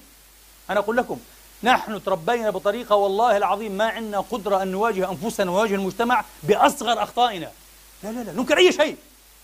لو وقع بريق وانكسر. لما الله مين وقع يا أخي أنت وقعته ما بعترفش ما دام ما فيش حد شافني مش أنا وقعته. الله أعلم الجن وقعوا يا أخي الغيب وقعوا. مش معقول؟ مش شخصيات ضعيفة جدا جدا. في منتهى الضعف. الصحابة كانوا بيعترفوا على حالهم بالزنا. زنيت قول له. واحد يقول له أتيت أهلي والعياذ بالله في دبرها. تعرفينه صحابي جليل. حولت رحلي؟ قال له رسول الله هلكت. حولت رحلي. وما ذاك؟ واحد قال له أنا أفطرت اليوم. أتيت أهلي في رمضان أمام الناس. يعترف. يقولوا؟ آه كيف هو الشيخ الفلاني؟ كذا. لا لا لا. إيش بعدين وضع مرتي واولادي لا لا بدي أعترف يا أخي أنا غلطت. بدي أعترف. بدي حل.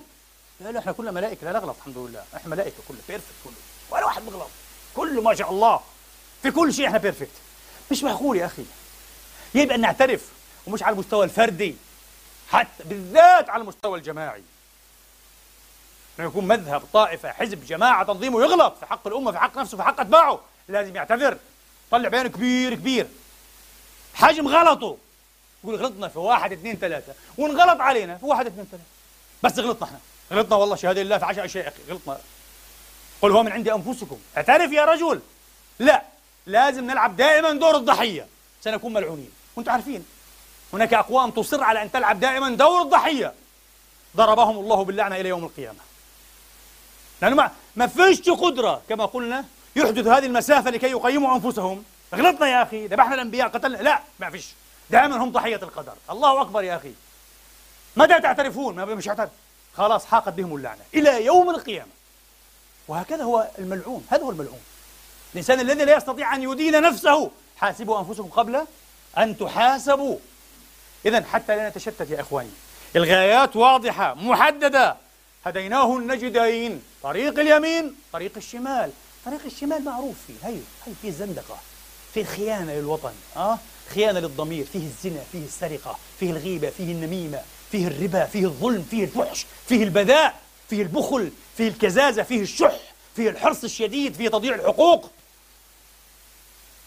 هذا طريق الشمال. واضح جدا يا أخي هذا. ويتسم بالعمومية كما قلنا هذه مسائل أخلاقية واضح يعني. ما في بشر في الدنيا؟ يقول لك آه السرقة جيدة اسرق من الناس. مش مستحيل يا أخي. ها؟ اتكلم على الناس في ظهرها بكلام سيء وفي وجهها اضحك. لها لا لا لا الفطرة تكره هذا. اذبح الناس حين تواتيك الفرصة. عندك قوة؟ اذبحهم. وحين تواتيهم قوة العق أحذيتهم. يا أخي الإنسان الحقير هذا؟ إيش الثقافة الحقيرة هذه؟ لا يا أخي ما بكون هكذا. لا بلعق الحذاء ولا بذبح. كما كان يقول إيه؟ طاغور. اللهم إيه؟ إني أستعيذ بك أن أكون جزارا وأستعيذ بك أن أكون نعجة تذبح. لا أحب أكون جزار ولا أحب أكون نعجة وأذبح كمان. أحب أكون إنسان محترم. لي قوامي وكياني أو كياني. هو هذا. فهذا واضح أيها الإخوة. طيب ما الذي يحدث الآن؟ انتبه. بغض النظر عن بواعثك ودوافعك قل لي ماذا تريد. هنا الاختبار ليبلوكم أيكم أحسن عمل هنا الاختبار. وهنا يأتي إيه؟ هذا موضع الآية بين الإنسان على نفسه بصيرة. طبعا ليس إيه؟ للإنسان بصيرة على نفسه في البواعث. الله يعلم هذا. أنه لا. أنت لا تحيط علما ببواعثك. الله يعلم هذا. وأنه بواعثك أكثر التواء وغموضا والتباسا وتركبا من أن تدركها. الله يعلم هذا. وهو أرحم بنا من أنفسنا. يعلم هذا. لكن يقول لك أنا مش هحاسبك على هذا على البواعث.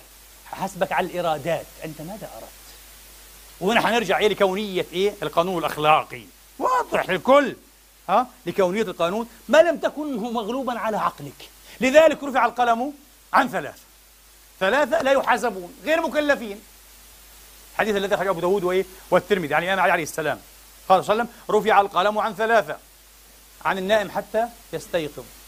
وعن الغلام حتى يحتلم. وعن المجنون حتى يعقل. يفيق من جنونه. في جامع مشترك بين الثلاثة. واضح لكم. تعرفون أخوان وأخواتي؟ الجامع المشترك الغياب الكلي أو الجزئي للعقل. فالمجنون عقله غائب كليا. والنائم عقله غائب كليا جزئيا نسبيا. في الظرف اللي بكون نايم فيه ما في عقل هنا. عادي ممكن يكون وزير آه تخرج منه أشياء مضحكة يعني. مسكين. إيه؟ هل صحيح؟ نائم هذا ما في لا غير محاسب هذا. ماذا يفعل؟ ماذا يقول؟ يحلم يسب حتى لو جدف وكفر وهو نايم ما يقدر يحاسبه. يقول هذا ارتد والزندق نائم هذا. هل صحيح؟ والنائم يزني والعياذ بالله. أليس كذلك؟ يحترمون فيزنون يزني يعني في من يجتهد هذا الله ما بأخذه عليه. هذا مرفوع عنه القلم. آه. هذا مجنون إيه؟ في هذا الوقت فقط. طيب والغلام هذا جزئيا لأنه عقله غير تام. عنده تمييز بيعرف شماله من يمينه وبيعرف كذا وبيتعلم وكيف بيتعلم لغة وكذا ولكن ليس راشدا لسه صغير آه. في حد هكذا قطعا للنزاع والكلام لك حد البلوغ. حد البلوغ لكن هذا ليس حدا إيه؟ بالإطلاق يا إخواني في كل أحد يعني. ابدا ابدا. حد اغلبي حد اغلبي وإلا في ناس في الأربعين وفي الخمسين وفي السبعين من عمره. وعقله عقل إيه؟ صبي مميز. عقل ابن عشر سنين. لذلك الفقهاء تحدثوا عن العته أيضا. قال لك المجنون والمعتوه. من هو المعتوه؟ المعتوه مش المجنون. خير حالا من المجنون لكن دون العاقل اللي هو بيسموه هنا الأحمق يعني إنسان أحمق آه. لا يعرف كيف يضع الهنا موضع النقب لا يعرف إيه كيف يضع الأشياء في مواضعها آه. ناقص العقل عنده نقص من العقل يعني ربما يكون عقله آه. في حجم عقل صبي مميز لكن لما كان لم يكن صبيا وكان إيه راشدا وبالغ الحلم سمي ماذا؟ المعتوه. المعتوه هذا عمره 20 سنة وعقله إيه عقل ثمان سنين المعتوه يقولون عنه معتوه هذا إذا غياب العقل يا إخواني غياب العقل. أنا أقول لكم كل قرارات. بلا وعي حقيقي واضح بها فيها نوع من الجنون نوع من غياب العقل وهذا كله داخل في حساب الله. لكن كل هذا لن يعقد المسألة وهي معقدة الآن. كيف طيب لن تتعقد المسألة؟ بالنظر إلى الغايات بالنظر إلى الغايات. قل لي ماذا تريد أنت؟ هل تريد العدالة أم تريد الظلم؟ كن واضح مع نفسك. طبعا يا ويلك. إن رأيت أنه إيه في معظم إراداتك ومراداتك أنك تريد الفحش تريد الظلم تريد البغي تريد الشر. ها؟ تريد تريد انتهيت. خلاص. انتهي. وانت عند نفسك أنت منتهي. وكفى بنفسك اليوم عليك. حتقول لي في بشر زيك؟ نعم في بشر. في بشر زيك نعم. وواعي جدا ويعرف هو. يقول لك أنا ما بدي العدل ما بدي العدل. بدي أدمر هذا الشر. بدي أدمر هؤلاء الناس. بدي أنشر الشر والفحش. بدي الناس تعاني أتمتع بمعاناة البشر. يعلم هذا ويقول هذا شر هذا إبليس هذا استقال فيه الإنسان. وتمحض شيطانا عفريتا مريدا والعياذ بالله. هؤلاء بالذات هم قلة قليلة بفضل الله قلة قليلة. هم المرادون ها؟ بقول الله تبارك وتعالى ولقد ذرأنا لجهنم كثيرا من الجن والإنس. مخلوق لجهنم هذا. مش قدرا كما فهمتم جبرا عنه. لا لا بأفعاله واختياراته. لكن أين هذا؟ قليل جدا جدا جدا بفضل الله عز وجل. معظم الناس يقول لك أنا أريد الخير أريد الجمال أريد الحق أريد العدالة. أقول له جد عليك أن تلتزم بهذه الإرادة وستحاسب عليها. تلتزم بطريقها. وين يحدث الالتباس الآن؟ حين نخلط المجرد أو العام أو الشامل بالعيان بالمتشخص. في هذه القضية بالذات أحد طرفي النزاع هو ابني أو أنا حتى. أنا! الله قال لك هنا انتبه. المفروض في كل عياني في كل متشخص متعين يعني لابد دائما أن تستلهم المجرد الكلي الشامل. دائما. انظر إليه. إذا لم تستطع استقل تراجع. أنت قاضي الآن افترض أنك قاضي أو محامي. أحد طرفي النزاع صديق. والناس ربما لا يعلمون صديق قديم. غلب عليك إيه؟ عاطفة الوفاء لهذا الصديق. استقل قل لا لا. هذه القضية لن أقضي فيها خذها زميلي فلان. ليه؟ عندي أسباب. أقول لا أريد. شايف نفسي مش قادر أفصل. مش قادر. مش قادر أوائم بين العام وبين إيه؟ هذا الخاص. سأغلب الخاص. مباشرة. مثل الفقيه الذكي الورع. سبحان الله. كان عنده بيت. عفوا في بيته. كان عنده بئر ماء. وهذا كان مكلف جدا. كان مكلفا جدا. تحتفر بئر ماء ويطلع فيه مي كمان في البيت. عملية صعبة كثير كانت زمان آه. وسقطت فيه إيه؟ دويبة صغيرة. في نفس اليوم سبحان الله بعد شوية جاء واحد يسأله عن هذه المسألة. ما حكم ماء البئر الذي سقطت فيه نجاسة؟ تشوش هو الآن. بئره آه. فأمر بطم البئر أن تردم البئر أولا. علشان بعدين لما يختار بين المذاهب وبين الأقوال يختار إيه؟ وهو متجرد للحق. شوف الورع لوين؟ شيء مش طبيعي. هذول أولياء الله. هذا العلم الرباني هذا العلم الحقيقي. صاحبه حقيق أن نثق به وأن نكبر إيه؟ مقامه وقدره. استقل. بروتوس القنصل الروماني. بروتوس أعطى إذنا بل أمرا أصدر أمرا بتطبيق العقوبة التي تقضي بها القوانين قوانين المشائخ. أه؟ مجلس الشيوخ. على من؟ على إبنه. ثبتت عليه جريمة الخيانة العظمى. يقول المؤرخون كان يمكن أن يتدخل مجرد تدخل بسيط وينقذ ابنه رفض وأعدم ابنه. هنا العظمة. هنا العظمة. شوف هذا واحد مش مسلم. هذا واحد وثني. بروتوس القنصل الروماني. أعدم ابنه. قال يعدم. لأنه في العام عنده أولوية يحكم على كل خاص. بغض النظر كان هذا الخائن الوطني ابني أو أخي أو أي واحد يعدم. علشان تبقى إيه؟ تبقى سطوة وهيبة وجلالة للعام. سقراط نفسه. حين حكم عليه إيه القضاة بالإعدام. كانت عنده فرصة سانحة أن يهرب. عادي وحتى بواب السجن كان متعاطفا معه. من هربك؟ يلا. قال لا. لا بدي. صح هذا الحكم ظالم. ظلمني سألقى حتفي من جرائه. أخطأ. ها؟ أخطأ هذا الحكم. شاكلة الصواب هذا ولكن العام عنده إيه؟ أصالة عنده أولوية. إيش هو العام؟ احترام القانون.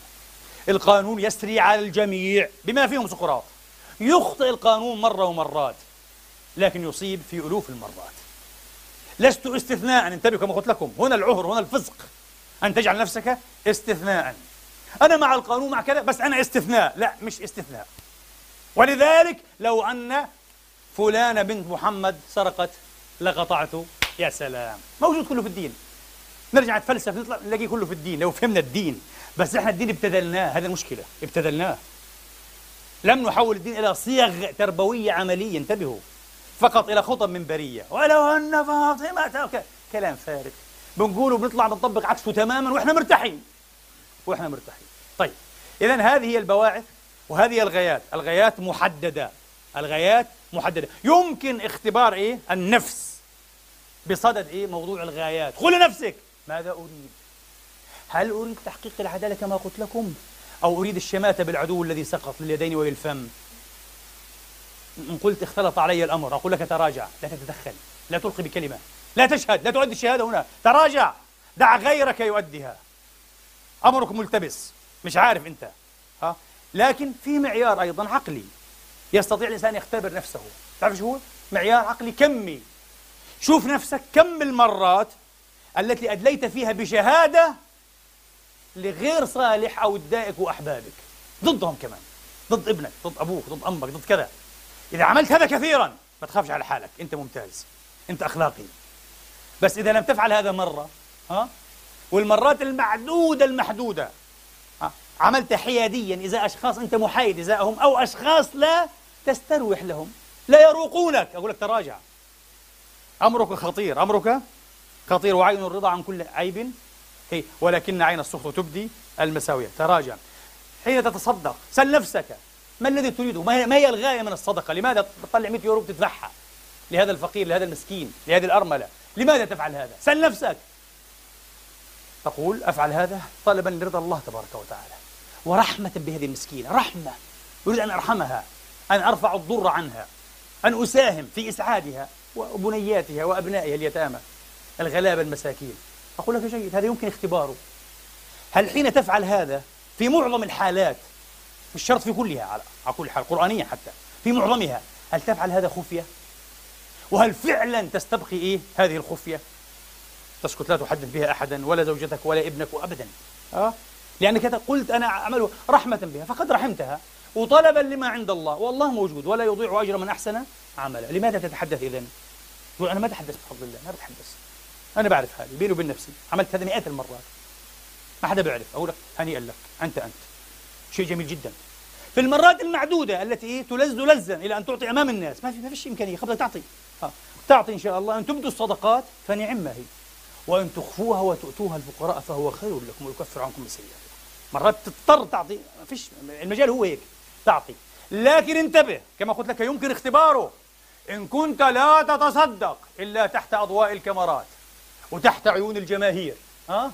وتحت أقلام الدعائيين والمحسن الكبير أقول لك يا ويلك يا ويلك يا ويلك من أنت.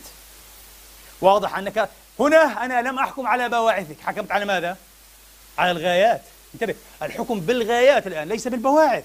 ها؟ ماذا تريد؟ واضح من تصرفي أن غايته الظهور. لا يفعل إلا أمام الناس وهو حريص على هذا. وحين لا يحضر الشهود يقول إيه، استدعوا الصحافة استدعوا التلفزيون استدعوا فلان. إيه، شفت يا فلان الحمد لله اليوم أعطيت كذا كذا. أقول إيش المصيبة هذه؟ في ناس هيك بيعيشوا هكذا وبده وصل أمانة وبده فلوس وبده كذا وينوه به في الجرائد وفي التلفزيون. لازم. واضح إنه هذا الرجل ما تقول البواعث أنا ما يهمنيش البواعث تبعته. واضح من غاياته انه الإنسان إيه؟ صح ولا لا؟ هو هذا ما غايتك؟ تقول إن غايتي نشر العلم.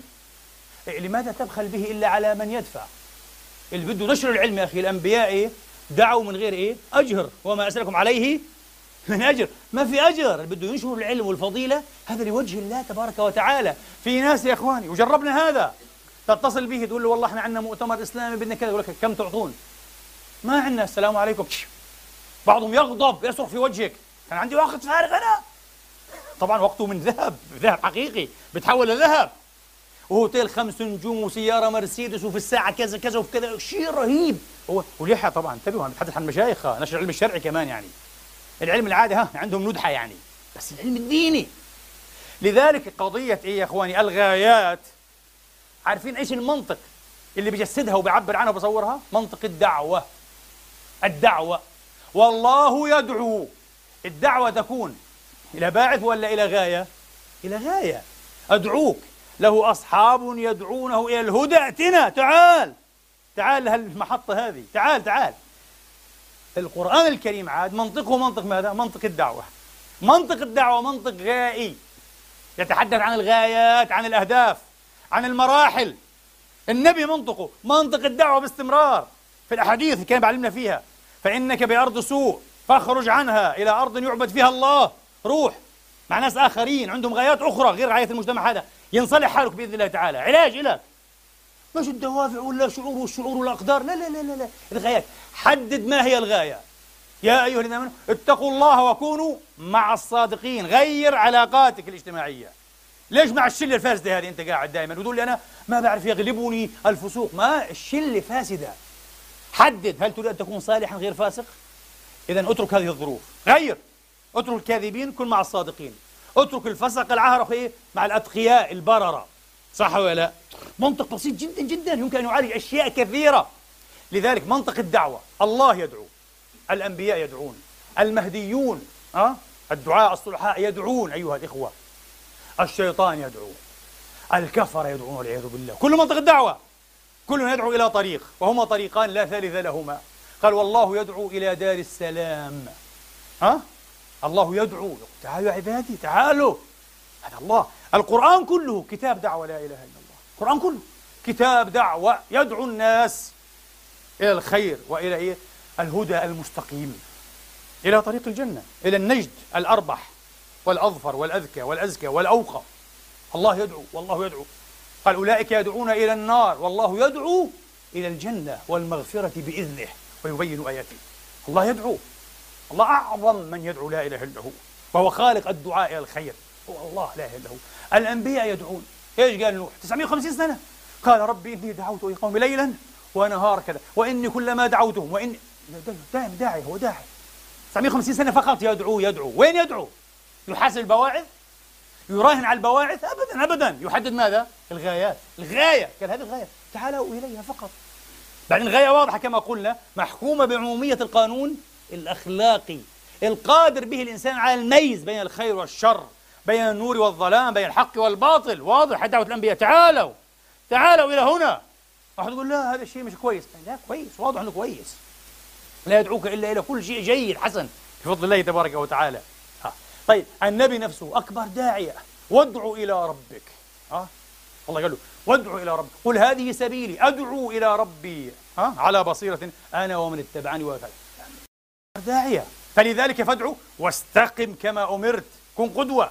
ادعوا واستقم ولا مش صحيح والمؤمنون دعاء يدعون إيه؟ إلى الخير. ومن أحسن قولا ممن دعا إلى الله. مش دعا الله دعا الله طلبه. لكن دعا إليه دل على الغاية التي توصل إلى مراضيه لا إله إلا هو وتباعد من مساخطه.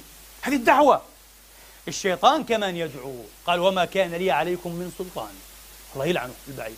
إلا أن دعوتكم فاستجبتم لي. قلت لكم تعالوا هنا رحتوا تجروا. على طريق الزنا والسرقة والغيبة والنميمة والقتل والتعصب والكره والإلحاد والكفر والشرور. جيتوا تجروا. قال مش ذنبي قال. أنا فقط دعوت دعا والعياذ بالله منه. أولئك يدعون إلى النار الله قال. دعاة النار كفر المشركون. يدعون أيضا. لكن إلى غاية أخرى. كلام مش على البواعث. كلام عن إيه؟ عن الغايات. دعوة منطق الدعاء منطق الدعاء. وبعدين إيه؟ وجعلناهم أئمة. ها يدعون إلى النار. الله قال أئمة دعاء إلى النار.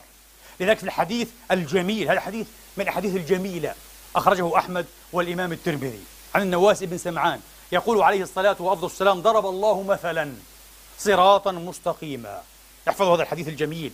صراطا مستقيما. غير معوج غير حائد وبين لائح واضح لاحد عريض. صفات كثيرة في الصدر المستقيم. قيل تسعة. على كل حال ضرب الله مثلا صراطا مستقيما وعلى جانبي الصراط. في رواية كنفي الصراط الكنف هو الجانب الجنب يعني ها؟ ومنه إيه؟ اكتنفه. هذا هو من جانب فقط عن جانبه. وعلى كنفي يعني جانبي الصراط سوران. هنا سور سور. وفي السورين أبواب مفتحة يقول النبي عليه الصلاة وأفضل السلام. وفي السوران أبواب مفتحة. هنا في أبواب هنا في أبواب مفتحة مفتوحة. وعلى الأبواب ها؟ وعلى الأبواب حجب. أغشية حجاب حجاب حجاب حجاب ها؟ لكن يمكن مباشرة كشف الحجاب والدخول من الباب. مش أبواب إيه موصدة انتبهوا. أبواب مفتحة هي. وعليها فقط ستائر ستور ستور مرخاة النبي يقول. حجاب ستور مرخاة. ترفع الستر تخش. سهولة ماذا هنا؟ سهولة المعصية. دائما سبحان الله التدلي سهل لا إله إلا الله. الترقي صعب. إن الإنسان يكذب سهل يزني سهل آه. يتكلم في عرض الناس سهل لكن يمنع نفسه عن هذا. يقول إني أخاف الله صعب كثير هذا صعب. تعالي هذا كما قلنا صعب صعب. تجاوز للنفس تجاوز لضعف البشرية. فسهل. النبي قال شوف مش أبواب مغلقة بدك تجيب لا أبدا. ترفع الستر تقع مباشرة.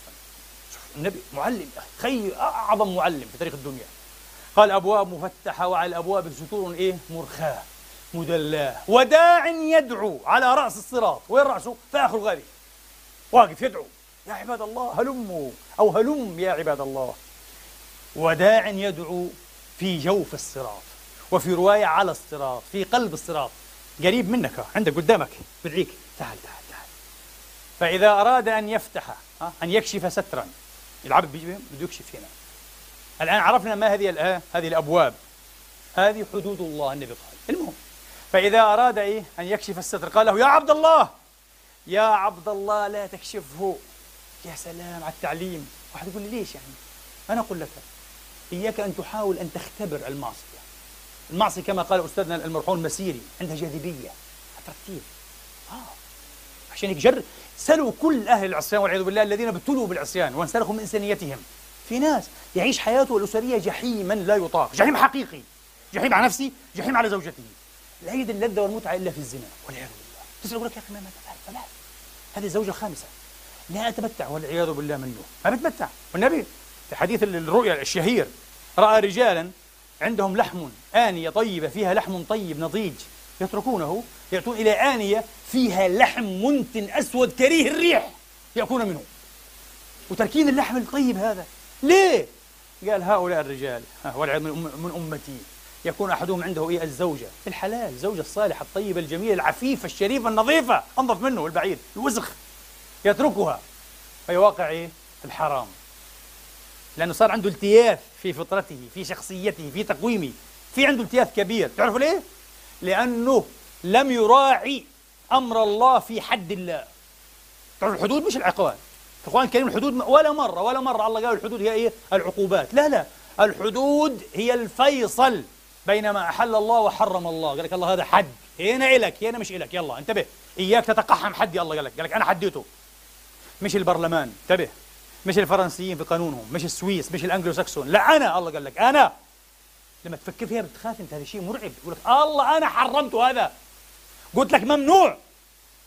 لذلك لما يفكر يا إخواني الواحد كل شيء منعه الله في نهاية المطاف باعتبار من الاعتبارات هو كبيره من الكبائر بده يصير لأنه مين اللي منع منه؟ الله تبارك وتعالى. فخلاص ما ما نتجرأ عليه. الله ما بده هذا الشيء لن نفعله مهما كان الثمن. مهما كان المقابل ما نقدرش ما نقدرش. لكن لا حرام يعني الله غفور رحيم. لا والله. والله ما عرف أن الله غفور رحيم من أصر على المعصية ومن دأب على العصيان. لا والله. بالعكس هذا مثل يقول لك أبي أبي طيب جدا جدا أبي متسامح. يبصق عليه أبي كويس كي يعطيه بالكف. أبي كويس ما يسألش فيه. والعياذ بالله منا لا اللي بيعرف أن الله غفور رحيم تعرف من هو؟ هو الذي آده الذنب كسر ظهره أتعبه. ها؟ الذي أنقض ظهرك. ووضعنا عنك وزرك. الذي أنقض الذي كسر ظهره الذنب. يبكي على ذنبه ليل نهار. كيف فعلت هذا أنا؟ كيف تجرأت على حد من حدود الله؟ كيف لم أستحي منه وهو يراني ويرقبني لا إله إلا هو؟ كيف فعلت هذا؟ هذا الذي يعرف في الأخير لكي لا ييأس ولا يتحطم تحت تأثير إيه؟ بهاضة وثقل الذنب أن الله غفور رحيم. قل يا عبادي الذين أسرفوا على أنفسهم الآية. مش يفعل يقول لك غفور رحيم. غفور هذا يستهزئ. كما قال إياه الصحابة يستهزئ بربه لا إله إلا هو. هذا مستهزئ. أبوي كويس يبصق عليه. أبوي كويس يعطيه بالكف أبوي كويس ولا يبره. أبوي كويس. أبوي رحيم. أعوذ بالله. ما هذا؟ هاي شيطنه هذه والعياذ بالله. فإذا أراد أن يفتحه قال يا عبد الله لا تكشفه. لا تكشف إيه؟ الستر. الستر إيه هو الاسم؟ الشيء آه والستر هو المصدر. لا تكشف هذا الستر فإنك إن تكشفه تلجه. هتدخل. هذه كلمة إيه الدكتور مسيري؟ جاذبية المعصية. شفتوا؟ إلها جاذبية خاصة. جالسين هيك مع بعضنا ها؟ أو يطلع مثلا نفترض إيه شخص مهم له اعتبار في المجتمع. ها؟ طلع يتكلم في التلفزيون وجهة نظره. بدنا نتكلم عنه باحترام. وأخطأ بنخالفه. كذا كذا. ونبدا ننزل فيه في جاذبية هنا. جاذبية الإنسان وضيع وصغير ما بسواش إيه فلس للأسف الشديد. إنسان عادي فاشل من الفشلة. يتكلم عن إنسان كبير كبير في العلم في السياسة في الدين في أي شيء وإنسان ناجح ومحترم ومعروف من تاريخ حياته إنه إنسان محترم. تكلم عنه باحترام. انتقده باحترام. لا لا في جاذبية إنك إيه تهشمه تهشيما. تجعله كأنه صعلوك ولا شيء له يعني. تشعر أنت إيه بالعزاء. بالعزاء نوع من العزاء يعني. ها. لا إياك وهذه الجاذبية اللعينة هذه جاذبية الباطل ها. جاذبية الباطل. فإنك إن تكشفه تلجه طبعا وإذا ولجته وقعت في غضب الله. وقعت في الحمى الذي حماه الله تبارك وتعالى. ماذا يختم النبي عليه السلام يقول؟ يقول الصراط هو سبيل الله تبارك وتعالى. هذا الصراط المستقيم صراط الأنبياء. ها؟ يقول والأبواب المفتحة الأبواب المفتحة هي حدود الله. هذا حدود الله. فاصل بين الحلال والحرام ممنوع. والداعي على رأس الصراط كتاب الله. شفتوا؟ أكبر داعي ما هو؟ الله عز وجل بكلامه لا إله إلا هو. قرآن رجع القرآن قرآن دستورك فلسفتك في الحياة. والداعي في جوف الصراط أو على قلب الصراط واعظ الله في قلب كل مؤمن. واضح؟ واحد يقول لي أنا لما حاولت أفعل هذا الحرام والعياذ بالله ما استحضرتش القرآن. ما كانش يتلى على مسامعي. ها؟ ما خطرت ليش الآية. أقول له لا بس في شيء غير إيه؟ الواعظ في قلبك. اللي قال لك لا يا عبد الله. بلاش بلاش هذا حرام هذا شيء سيء مش كويس ابعد عنه سيبك امشي واصل. في كمان حجة عليك من إيه؟ من نفسك. كفى بنفسك اليوم عليك حسيبا أقول قولي هذا وأستغفر الله لكم فاستغفروه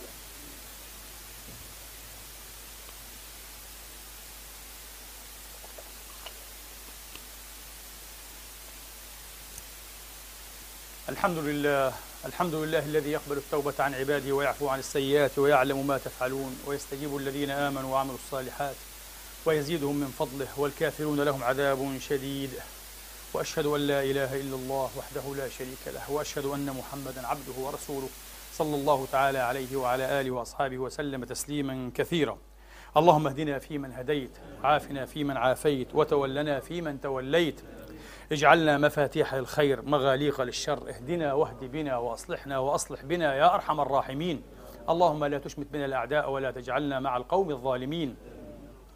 واكفنا ما أهمنا من أمر دنيانا وأمر أخرانا. واختم بالباقيات الصالحات أعمالنا وبالسعادة آجالنا وتوفنا وأنت راض عنا. جنبنا الفتن ما ظهر منها وما بطن. اللهم إنا نسألك فعل الخيرات وترك المنكرات وحب المساكين وأن تغفر لنا وترحمنا. وإذا أردت بعبادك فتنة فاقبضنا إليك غير مفتونين ولا خزايا ولا نادمين. برحمتك يا أرحم الراحمين. اللهم أصلح ذات بين المسلمين. اللهم أصلح ذات بين المسلمين. اللهم ألف بين قلوبهم. اللهم ألف بين قلوبهم. اللهم اجمع كلمتهم على التقى وعلى ما تحبه وترضاه. برحمتك يا أرحم الراحمين. وجنبهم الفتن كلها ما ظهر منها وما بطن. وجنبهم مكر الماكرين وشر الأشرار وفجور الفجار. إلهنا ومولانا رب العالمين. عباد الله إن الله يأمر بالعدل والإحسان وإيتاء ذي القربى وينهى عن الفحشاء والمنكر والبغي يعظكم لعلكم تذكرون فستذكرون ما أقول لكم. وأفوض أمري إلى الله إن الله بصير بالعباد. أقم الصلاة. الله